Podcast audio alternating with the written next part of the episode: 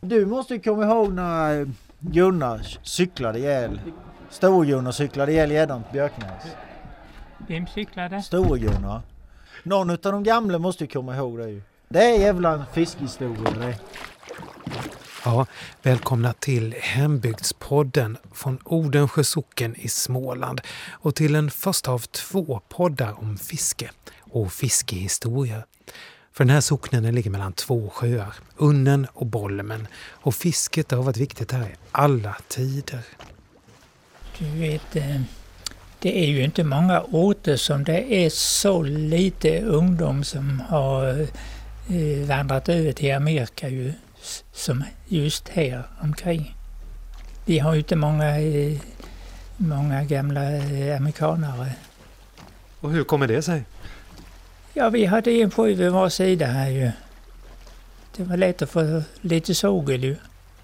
Lax var ju hur mycket som helst ju.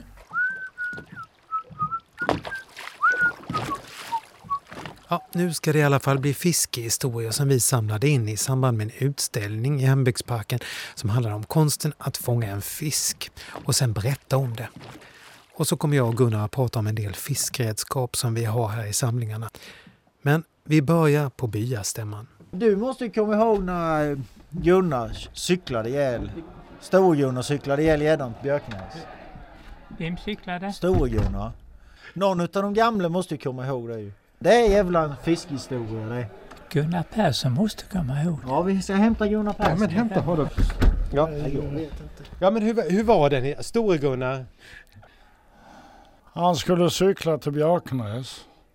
Storgunnar, ja. Han skulle vettja gäddehommarna uppe i näset.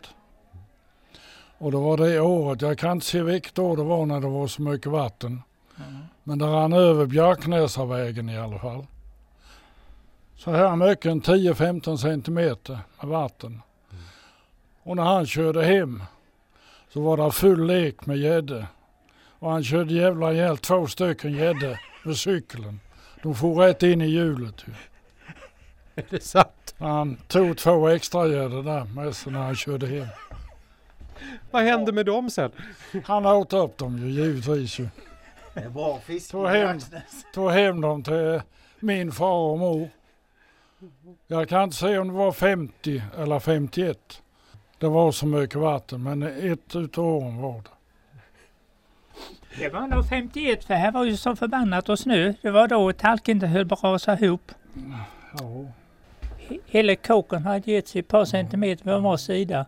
Oj. Och eh, vi, vi, fick koll på det där ju och hem ett en massa byagubbar och vi skottade åt taket. Mm. Mm. Sen satte de upp den där järnstången. järnstången ja. Annars har det, det lagt sig alltihopa.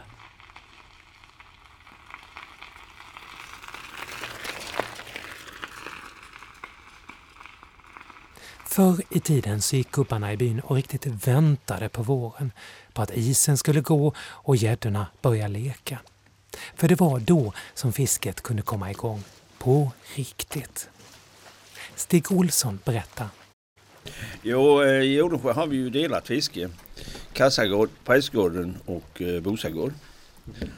Och på den tiden där fanns is på sjön. Mm.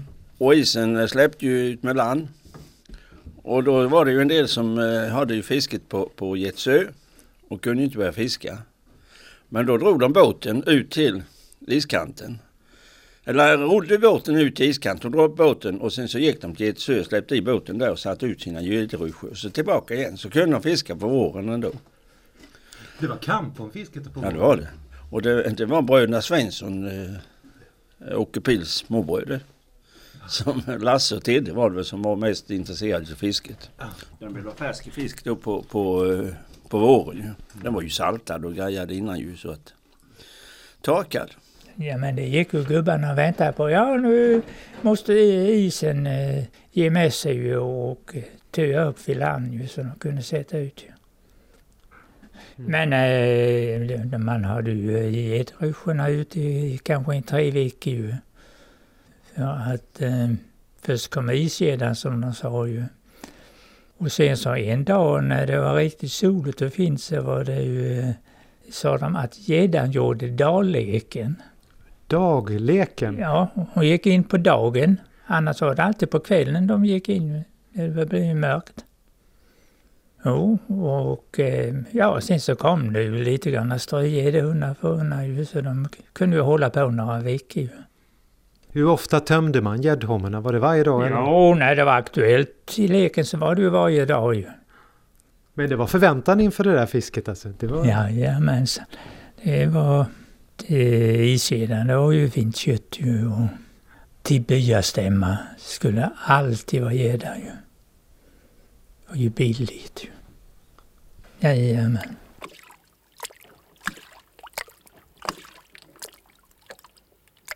Jo, men då satte man ut. Man hade med en del sjöstövlar på sig så man kunde gå ut med land. Bertil på Hallalund han har lagt ut många gäddryssjor till gäddleken på våren. Fast han kallar dem hommor, som man gör här i bygden. Och sen satte man den så nära land som möjligt så att inte fiskarna kunde gå emellan. Så hade man ju två armar och tre ibland. Så att när gäddan gick emot armen så ledde den in i homman. Lågt vatten fick det ju vara. Man satte armarna, men då var det tre armar på homman. Och då gick den ner i mitten, den gick ända upp på land. Ibland kunde man lägga ris så, så att inte de kom förbi. Och sen de andra sträckade man ut så, så att de följde den i mitten och sen gick de in i homman. Så man stängde i princip av en liten vik? alltså? Ja. Struten var ju utåt på djupet. Över natten då alltså? Jajamän. Den kunde stå i flera dagar. För de levde ju lika bra där inne, gäddan, om det gick in någon. Och de kom ju inte ut.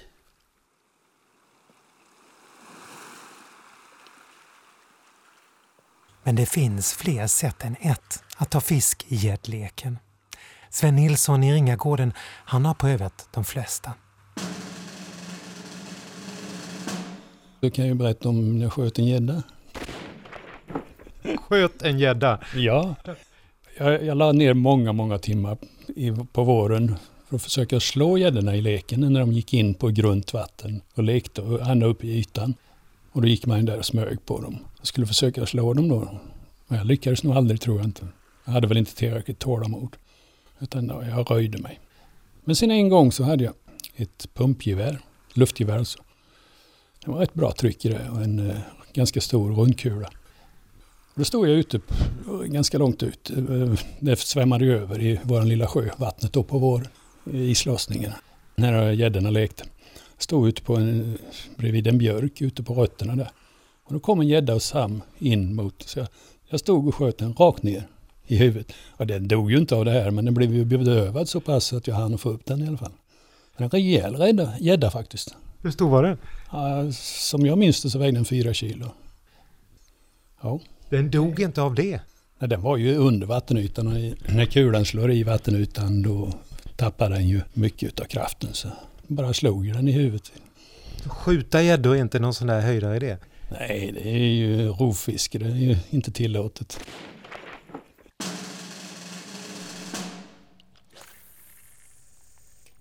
Lars-Ingvar Larsson, alias Singan från Moanäs. Min pappa berättade att min farfar då Pelle i Moanäs, han och några kamrater, de eh, fick en sommar för sig ut och meta lite. Och eh, det var ju inte bara meta de gjorde, de festade lite också. De tog sig ett par huttar där säkert.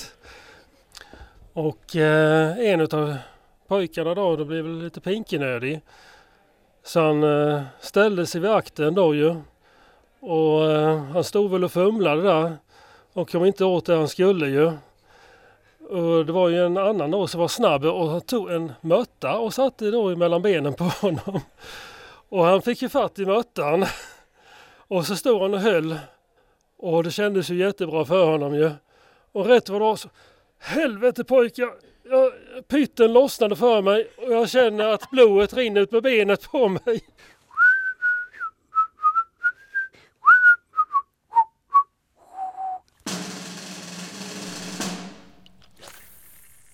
Mörtstuga.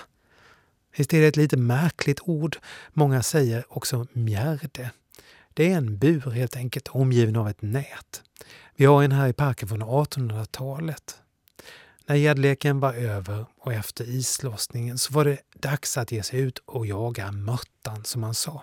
Och det var då man plockade fram den här mjärden. Jo, det är till fånga mött som man hade sen både till mat och till agn. Man malade gäddrev. Mm. Men det fordras en massa enris. Man sätter ner två stakar där och två stakar längre ut. Och så lägger man enris lava i mellan stakarna där. Och så likadant här. Och då söker mattan sig till eh, riset och ska lägga sin rom i riset. Och så går hon ut emellan och så går in i mjäden där och blir innestängd. Det var specifikt till mört alltså? Ja, just det. Mm. Det var på våren efter gäddleken. Omkring den 10 maj så lekte möttan och då gick den in på en meters vatten kanske. Mm. Och så satte man upp de där enbuskarna ju om gärden. Och så förvarade man ju mötten sen i stora trälådor, träkar med hål som, så vattnet kunde strömma igenom. Så, så tog man upp mötten där ju, hade levande i en eh, balja eller kittel och sen så agnade man gäddreven med det. Så det var agnfisk man hade den här ja. tiden? Ja. Det mesta var ju det. Ja, men de använde ju en del till mat också. För man åt mött också va? Jajamän, jajamän. Det är fint kött. Det är faktiskt en lucka där de kunde tömma ut. Det har jag aldrig sett. Med riktiga gångjärn av läder och lås. Fantastiskt. Alltså. Allt hemmagjort. Ja. Det var efter gäddfisket. Gäddfisket är ju egentligen med islossningen och en tid efter det. Och sen så gick det då till omkring den 10 maj, då lekte mattan. Och då hade ju eh, gäddan lekt färdigt ju. Och då var hon ju utsvulten liksom, mage. Så då var hon ju pigg på att hugga på mött och drag och allt möjligt. Ja, det var ju några som satt och småljög och satt och lyssnade på olika fiskhistorier och så var det en som gud länge bara som satt och teg länge och väl. Stig Pettersson i Löckna. När de andra varit färdigt så sa han ju det klassiska, det var väl ingenting. Hemma min själ, sa han, så fick vi en stor jävla gädda i Rösjön, vet du. Så vi, vi band upp han mellan två trä och så gick vi åt han i 14 dagar innan han slet sig. Och Arne Rösult, ja det var vi en historia om Arne. Han hade ju, alltså strax efter i svackan någonstans mot, men efter vägskälet där mot Röselt vägskäl så var det, stod det mycket högt vatten, brukar det göra. Och vad jag hade förstått så sumpades det gädde där.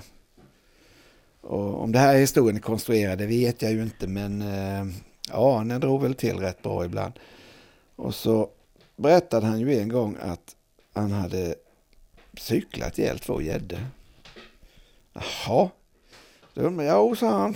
Han sa jag skulle cykla ner och så var det lite nedförslis sa han och så kom jag, det stod lite högt vatten ner mot, så cykla mot Odensjö så jag lyfte skankorna för att inte bli blöt vet du. Men så klang det till två gånger vet du. Då hade jag min själ en gädda i pakethållaren och en i ekrarna. Tror du det är sant? Ja, det ljuger aldrig. Aldrig.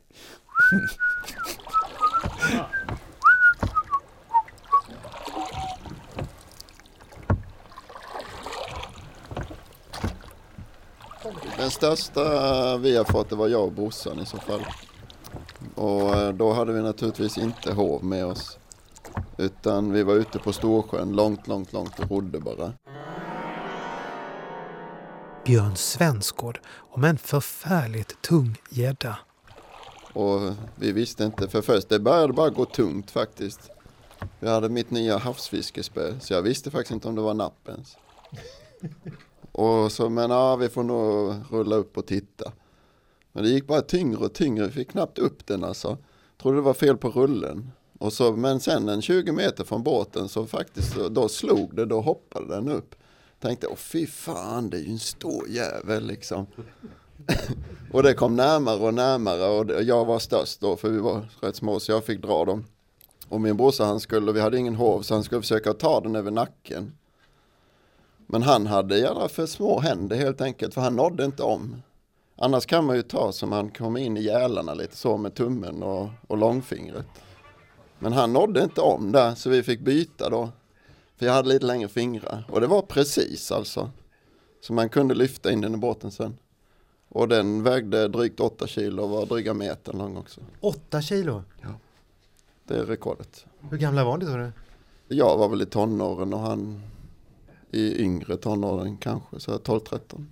Men du, ni rodde ut på Storsjön alltså? Ja, det gjorde vi. Vi rodde, ja vi rodde ju kilometervis iväg då. Vi hade ingen motor på den tiden. Det var till och med en gammal Bolmeneka som farsan hade byggt tror jag.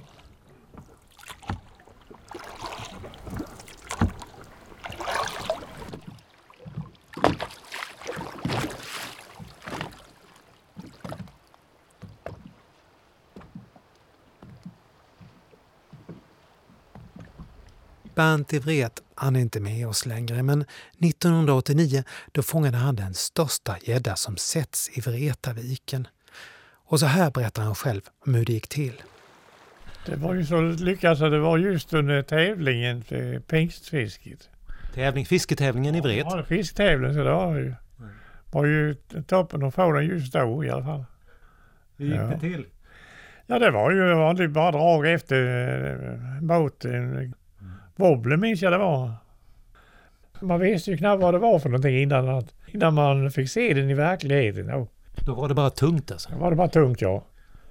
Ryckte drog några gånger. Jag trodde man hade fått en gammal med massavedsbit eller någonting sånt på. Det tog ju en bra stund innan den kom upp och visade sig. De säger ju, det finns de kallar zigenarbruden i, i Bolmen men det, det, det var kanske någon släkting till henne som det här var. Jag tror jag håller på nästan en timmes tid och, och kämpade med. Jag hade ju ingen hov och ingen huggkrok. Jag hade en liten yx, handyxa som jag hade haft när vi luvade vasan och sånt. Jag tänkte någon gång jag skulle dra till den i, skallen men då hade jag väl huggit av linan så då hade det ju varit fett eh, kött. Jag vet jag, jag vinkade till det var andra båtar ute på sjön med. Jag trodde väl bara att jag var lite glad i hågen. Jag tror jag kunde fått en hjälp till och, och det det var. Du försökte vinka efter hjälp? Ja, ja. Det är ju inte alla gånger behöver det.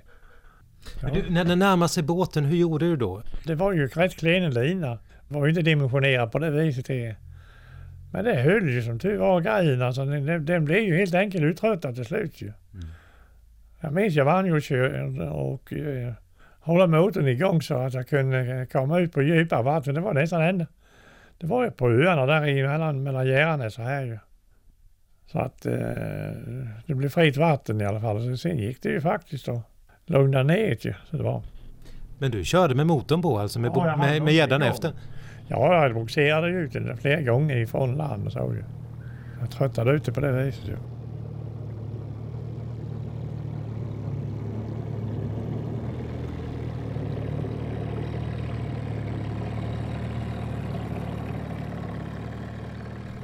Hur fick du den över relingen då när den väl kom fram till båten? Då gällde det ju att ta, då var man ju hurkig till det vet du. Så. Jag, jag vet, jag låg ner på knä. Men då, då låg den ju stilla, den hade ju vänt sig.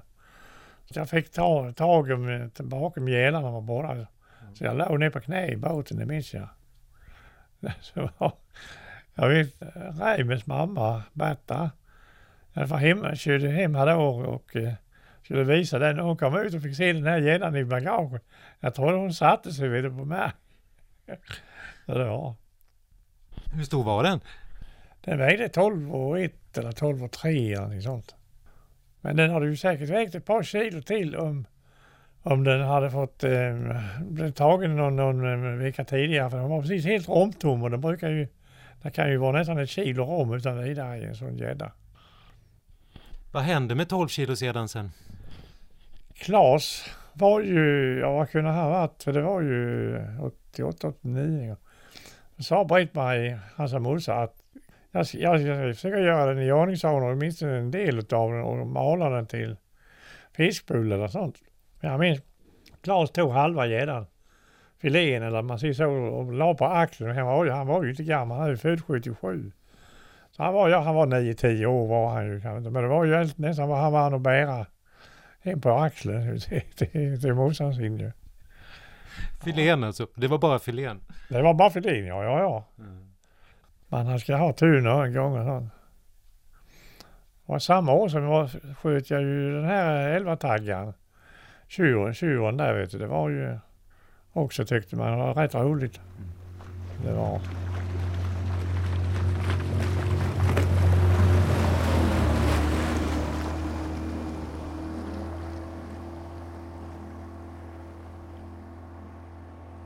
Alltså mitt, mitt roligaste fiskeminne det är nog ändå när vi var ute på sjön, jag och familjen och Eva tror jag.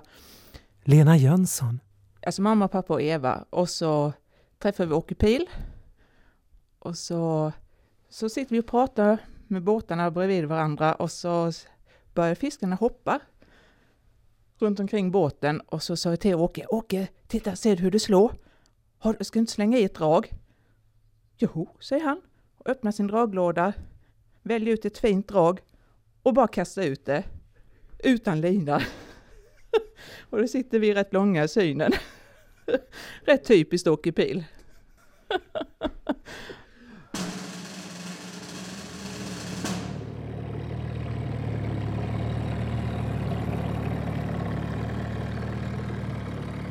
Gösen den har spelat en allt större roll för fisket i Bolmen med åren. På 80 och 90-talet blev det allt populärare med nattfiske på gös. Ofta med båt, ute på brinkarna, ute på Storbolmen.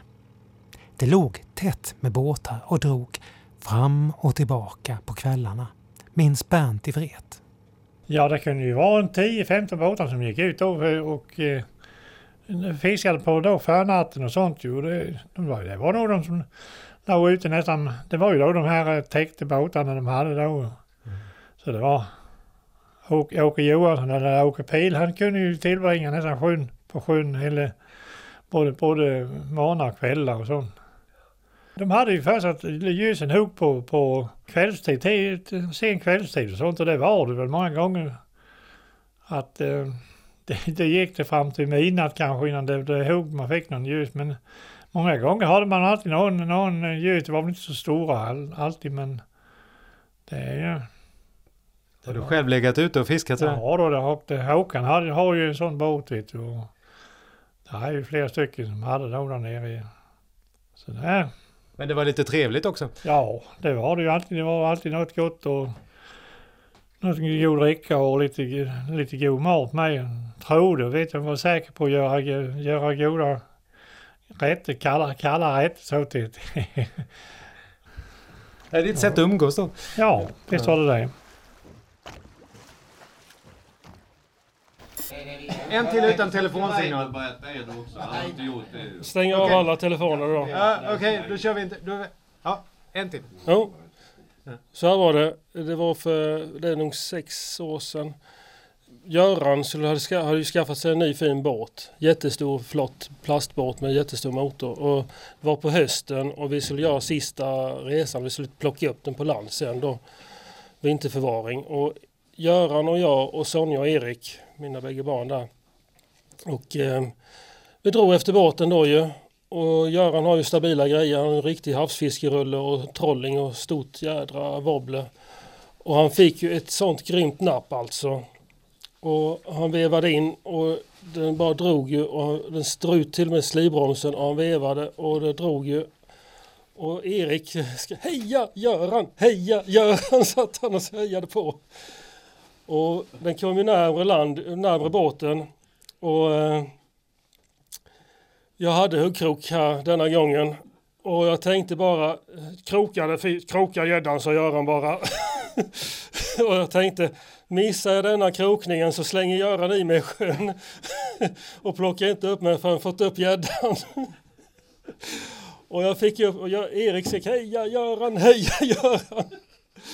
Och jag krokade den och fick upp den i båten och den bara small i, i däcket ju. Och den låg och sprattlade och Erik märkte jag är en krokodil, en krokodil skrek han.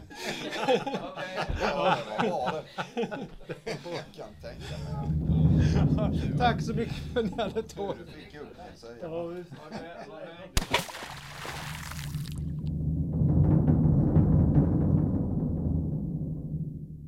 Psst! Ni vet väl om att det finns ett riktigt sjöodjur i Bolmen? Sanna mina ord. Ja, det var någon äldre Bomsebo som talade om att det var ett väldigt stort sjöodjur i sjön Bolmen. Och alla ville ha väck det här sjöodjuret. ju. Det var så gammalt så de sa att det växte en enebuske i skallen på den. Så man kunde se den här enebusken när odjuret simmade ut i eh, sjön. Men de bestämde sig för att de skulle försöka fånga detta.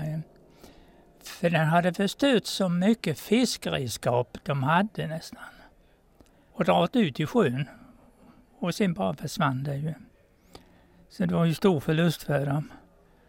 Så alla ville ha tag på det odjuret.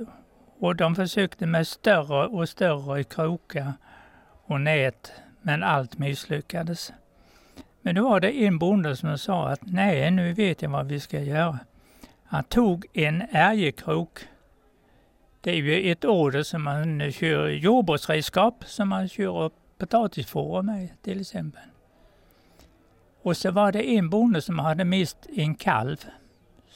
Så de agnade med en självdöd kalv på denna ärgekrok och la ut i sjön. Och så hade de då en riktig kubbalänk ifrån eh, ärjekroken ärgekroken och upp. Det är ju en järnlänk som man hade runt stockalassen när man körde skogen. För att de skulle förankra den så gick de runt en eh, lada som låg intill sjön där. Sen gick de hem. Men de kunde ju, det var ju spännande så de kunde ju inte vänta hur länge som helst utan de gick fram tidigt på morgonen ju och spanade. Och vad fick de se? Den här stora ängalaran låg och flöt ute i sjön. Så det finns troligen fortfarande kvar.